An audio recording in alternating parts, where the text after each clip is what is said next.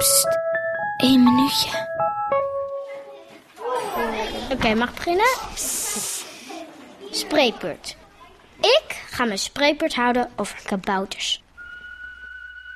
Kabouters zijn kleine mannetjes die in het bos wonen. Je kan ze niet goed zien, maar ze zijn er wel. Ze wonen vaak in een paddenstoel met een schoorsteentje erop. Ze hebben geen wc. Ze plassen gewoon buiten.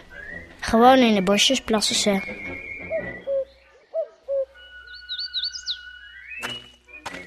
Dus als je in een bos loopt, ligt er overal kabouterplas. Als je thuis komt, moet je dus je voeten eerst schoonmaken, zodat je de kabouterplas eraf kan lassen. Kabouters moeten namelijk heel erg vaak plassen. En ook poepen. Soms kan er ook kabouterpoep onder je schoen zitten. Dat is best heel erg vieze poep, die heel erg stinkt. Dit was mijn spreekbeurt. Zijn er nog vragen?